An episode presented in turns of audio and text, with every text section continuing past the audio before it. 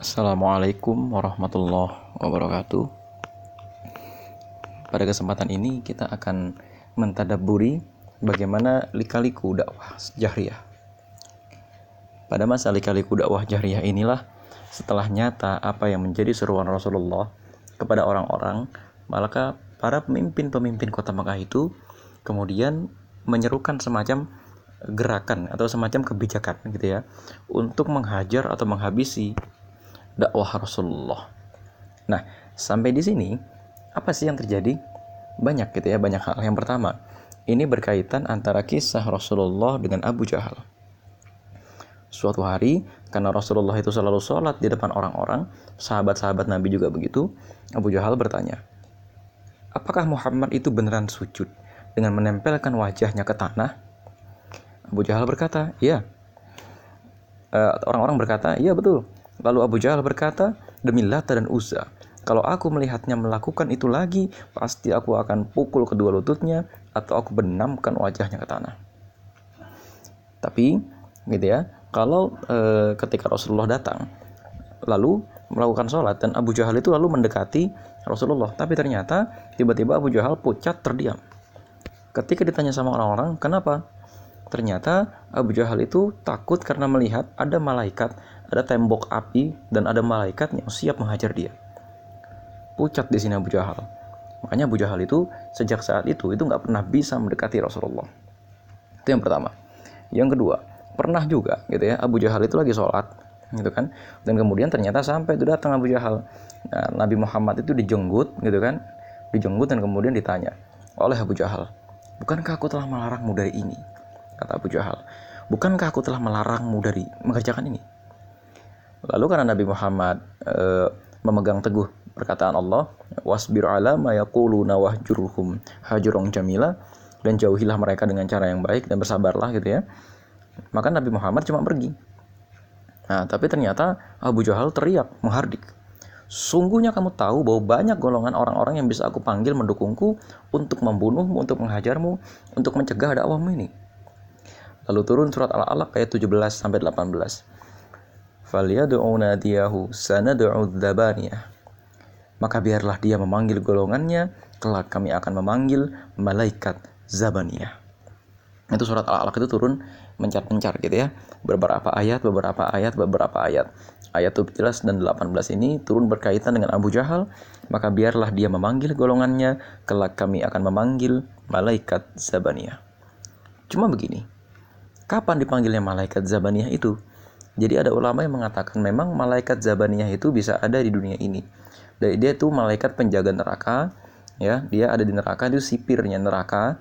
Jadi dia itu bisa naik ke dunia. Malaikat Zabaniyah itu tidak pernah tersenyum. Nah, malaikat Zabaniyah itu suatu saat bisa diutus oleh Allah ke dunia ini untuk menghajar orang-orang kafir, tapi saat orang-orang kafir itu memang sudah menyakiti orang-orang Islam baru nanti orang-orang itu apa malaikat itu akan dipanggil tapi tetap Rasulullah itu diminta bersabar. Karena apa? Tujuan utamanya Rasulullah itu bukan untuk menyiksa orang kafir. Tujuan utama Rasulullah itu bukan untuk menggampangkan menurunkan laknat menurunkan azab bukan. Tapi tujuan utama Rasulullah itu mengajak orang kepada konsep-konsep kebaikan, kepada konsep-konsep peradaban. Jadi kalau kita tuh dikit-dikit jual azab, Ya kepada teman-teman yang nggak berjilbab kita jual azab. Kepada teman-teman yang masih pacaran kita menjual azab dan lain-lain. Insya Allah nanti orang-orang itu nggak akan mau masuk ke dalam Islam. Nah kisah yang selanjutnya. Jadi suatu hari kata Abdullah bin Mas'ud dalam hadis riwayat Bukhari gitu ya dalam kitab Fathul Bari. Suatu hari Rasulullah sholat dekat Ka'bah kelihatan siang-siang. Sementara itu beberapa orang Quraisy berkumpul di tempat ya biasalah nongkrong gitu kan ngumpul. Lalu tiba-tiba orang ngomong, Tuh, lihat tuh. Kalian lihat nggak tuh orang yang sok pamer itu tuh. Sok pamer itu maksudnya apain lah diliatin tuh ibadah-ibadah kayak gitu. Pamer banget sih. Terus dia ngomong lagi, siapa di antara kalian yang bisa membawakan tempat apa namanya tempat kotoran onta bani fulan? Tapi ada juga yang bilang bisa membawa kotoran unta ya darahnya dan kemudian tembuninya tembuni itu rahim lalu meletakkannya pada punggung Muhammad ketika dia sujud jadi artinya mau ngeprank orangnya parah gitu kan tuh pas dia sujud taruhan aja sampah di atas itu lalu bangun ada seseorang namanya Uqbah bin Abi Muaid. Dan ia pun datang membawanya. Gitu ya artinya dia membawa sampah-sampah tadi. Dan kemudian dia sambil bawa sampah-sampah tadi tuh dia ngintip Nabi Muhammad. Nah ketika Nabi Muhammad itu sujud langsung sampah-sampah tadi kotoran unta dan lain-lain itu dituangkan ke punggungnya Nabi Muhammad. Di situ itu Nabi Muhammad itu nggak bangun. Tetap bersujud tampaknya berdoa gitu ya. Terus mereka itu tertawa terbahak-bahak mereka ngeliat wah itu tuh lucu banget tuh tuh lihat tuh netes netes buset dah ya, segala macam itu ya Kemudian seorang laki-laki pergi menemui anaknya Rasulullah yaitu Fatimah. Fatimah pada saat itu itu masih gadis kecil. Nah, itu mungkin saat itu usianya sekitar belasan tahun. Fatimah saat itu lari pergi menemui Nabi Muhammad. Nabi Muhammad masih bersujud, sampai kemudian Fatimah itu membersihkan kotoran punggung, apa kotoran di punggung Nabi Muhammad tadi dan melemparkannya ke arah orang-orang yang tertawa itu. Fatimah itu marah-marah gitu ya. Setelah itu Rasulullah melanjutkan sholatnya sampai selesai tahiyat Lalu Rasulullah berdoa, Ya Allah, atas mulah untuk mengambil tindakan atas orang Quraisy. Terus ya intinya gini, Ya Allah, ambil tindakan kepada Amr bin Hisham Abu Jahal, Utbah bin Rabi'ah, Syaibah bin Rabi'ah, Walid bin Utbah, Umayyah bin Khalaf, Utbah bin Abi Mu'aid dan Amarah bin Walid. Semua orang yang disebut itu ya. Semua orang yang disebut itu nanti kelak akan tewas dalam perang Badar, gitu ya kelak akan tewas dalam perang Badar. Imarah bin Walid ini satu ketika kalau tidak salah uh, bukan Imarah bin Walid, Utbah ini kalau nggak salah wafatnya itu nanti uh, ketika dia diterkam singa di Syam, gitu ya. Nah, tapi intinya berarti godaan yang apa? Ujian yang menimpa Rasulullah itu bukan ujian yang sembarangan, bukan ujian yang sekedar-sekedar, gitu loh. Nah, tapi pernah juga gitu ya satu ujian yang menimpa Rasulullah ini sangat unik. Ini berkaitan dengan Abu Lahab. Berkaitan dengan Abu Lahab ini gitu ya ya ada kisah bahwa ceritanya Abu Lahab itu terus menerus memerangi Rasulullah. Bahkan yang paling parah begini anak-anaknya Rasulullah Ummu Kulthum dan Ruqayyah ya e, di mana Ruqayyah itu anak keduanya Rasulullah dan Ummu Kulthum itu anak perempuan ketiganya Rasulullah. Yang pertama itu Zainab mereka itu sesungguhnya sudah besan, sudah berbesanan dengan Abu Lahab. Jadi dia menikah dengan Utbah bin Abi Lahab dan Utaibah bin Abi Lahab. Nah, tapi setelah Rasulullah mendakwahkan panjang lebar dan lain-lain, ternyata Abu Lahab itu menolak. Penolakannya itu penolakan yang keras sekali. Bahkan salah satu perkataannya itu, engkau telah kubiayai, gitu loh. Engkau pada waktu kecilnya itu engkau gini gini gini gini. Dan ke mana-mana Abu Lahab itu selalu ngomong, ya apa namanya Muhammad itu dulu saya yang biayain. Itu saya tahu banget Muhammad itu gimana orangnya. Sekarang dia ngaku nabi. Sekarang udah jadi orang begini begini begini lupa sama kita. Keyakinan lama kita ditentang sama dia. Intinya gitu, kata Abu Lahab. Karena memang Abu Lahab ini adalah orang yang memang membiayai Rasulullah. Julukan dari Abu Lahab itu adalah Abul Hakam. Nah, Abul Hakam itu punya arti bapak kebijaksanaan. Gitu ya. Eh maaf itu itu uh, Abu Jahal. Tapi gini, julukan Abu Lahab. Abu Lahab itu nama julukan. Abu Lahab itu artinya bapak yang cemerlang. Secara wajah, dia itu bukan cuma ganteng, bukan cuma tampan, tapi dia bercahaya di beberapa film-film yang beredar dikesankan bahwa seolah-olah Abu Lahab itu wajahnya jelek gitu ya, wajahnya tebal, wajahnya keras. Padahal Abu Lahab itu salah satu musuh Allah yang wajahnya paling mirip dengan Nabi Muhammad. Ya. Maka kan begini sebenarnya, ketika namanya itu disebut dalam Al-Qur'an tabat siada abi lahabi wa tab. Ini sebenarnya hinaan gitu loh. Binasa kedua tangan orang yang lahab, yang cemerlang itu. Hinaan gitu loh, karena gini, ini orang cemerlang ya tapi lihat aja akan binasa. Kenapa? Ya kan karena dia menentang dakwah itu aja masalahnya kan. Jadi suatu ketika gitu ya karena rumahnya Abu Lahab itu seberang seberangan Alkisah rumahnya Abu Lahab itu deket banget sama rumahnya Rasulullah. Ya deket banget hanya kalau nggak salah satu tembok dengan rumahnya Rasulullah. Nah kemudian Abu Lahab itu e, menaruh kotoran-kotoran di depan pintu rumah Nabi Muhammad. Dan pintu rumah Nabi Muhammad itu dipeperkan atau ibaratnya itu dibalur-balurkan kotoran-kotoran binatang. Itu. Yang kedua istrinya itu mengadu domba ke mana-mana. Gitu ya menyebar berita-berita buruk mengenai Nabi Muhammad. Karena bagaimanapun istrinya itu bibinya Nabi Muhammad. Karena Abu Jahal itu anak dari kakeknya Nabi Muhammad pamannya Nabi Muhammad Abu Jahal sama istrinya juga sama menebar di, di jalan yang akan dilalui beliau. Jadi Rasulullah mau jalan ke mana, itu kan yang biasa lewat situ tuh dikasih paku gitu ya, dikasih apa, dikasih kayu-kayu yang susah dan lain-lain. Lalu setelah kemudian eh, apa namanya setelah kemudian Abu Lahab itu tidak tertahankan lagi gitu ya oleh Rasulullah maka Allah menurunkan surat Al-Lahab A'udzu billahi minasyaitonir rajim Bismillahirrahmanirrahim Tabbat yada Abi Lahabi wa tab ma aghna anhu maluhu wa ma kasab sayasla narang dzata lahab wa imra'atuhu hammalatal hatab fi jidha hablum mim masad binasalah kedua tangan Abu Lahab dan sungguh dia akan binasa. Tidaklah berfaedah kepadanya harta bendanya dan apa yang ia usahakan. Kelak dia akan masuk ke dalam api yang bergejolak. Dan istrinya pembawa kayu bakar. Yang di lehernya ada tali dari sabut. Nah ini eh, apa namanya Abu Lahab itu di sini dihina habis-habisan. Dan pada saat itu kan karakter dakwah itu ketika turun satu wahyu dari Allah kepada Nabi Muhammad maka Nabi Muhammad itu menyebarkan kepada orang-orang gitu ya menyebarkan ketika sholat dan lain-lain dan membacakannya.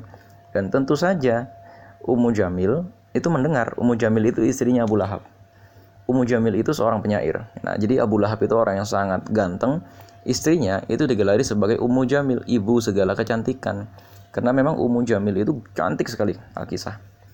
Cantik sekali. Dan kemudian uh, Ummu Jamil ketika mendengar bacaan Al-Qur'an ini, ketika mendengar surat Al-Ahab di mana suaminya dan dirinya itu dihina habis-habisan, dia mencari Nabi Muhammad ketemu ternyata di masjid. Ummu Jamil itu bawa batu. Ya, padahal saat itu Nabi Muhammad lagi duduk-duduk bareng sama Abu Bakar. Ummu Jamil nanya, "Woi, Abu Bakar, mana Muhammad itu? Aku dengar ia telah menghinaku." kan nah, terus ternyata Rasulullah itu saat itu nggak kelihatan ini mujizatnya Rasulullah saat Ummu Jamil itu mau bawa batu gitu ya dan Rasulullah itu ada di situ ternyata Ummu Jamil itu nggak ngelihat Rasulullah setelah peristiwa itu Abu Bakar kaget wahai Rasulullah tidakkah engkau melihat bahwa ia tidak melihat engkau Rasulullah berkata Allah telah mengambil kemampuannya untuk melihatku Nah, jadi ini salah satu di antara mukjizat gitu ya. Mukjizat itu baru datang kalau memang kita itu butuh. Kenapa kalau Nabi Muhammad itu nggak ngelawan Ummu Jamil ya wajar. Ini satu ini perempuan. Yang kedua, kalau Nabi Muhammad itu melawan, nanti yang terjadi apa? Ya biasa playing victim. Kan? Orang-orang kafir kan karakternya begitu, suka playing victim. Ya. Setelah itu Ummu Jamil itu keliling Ka'bah itu bikin puisi. Yang dia sebut dalam puisinya itu celakalah mudzammam jadi muzammam itu lawan kata dari Muhammad. Tapi orang ketika dengerin puisinya tuh nanya, muzammam, muzammam siapa? Ya itu yang selalu apa namanya selalu menghina Tuhan Tuhan kita. Oh Muhammad maksudnya. Nah jadi gini, muzammam itu yang tercela, yang paling tercela. Orang nanya, siapa yang paling tercela? Ummu Jamil. Itu Muhammad. Nah, jawabannya apa? Yang terpuji itu. Itu yang paling tercela. Lucu banget gitu kan. Jadinya ketika Nabi Muhammad mendengar sajaknya ini, maka Nabi Muhammad berkata, "Tidakkah kalian merasa aneh bagaimana orang memalingkan Allah ya, orang eh, apa Allah memalingkan orang-orang dari celaan orang Quraisy kepadaku?" Mereka mengatakan Muzammam, tapi ketika mereka bertanya siapa itu Muzammam, mereka menjawab Muhammad, ya Muhammad yang terpuji.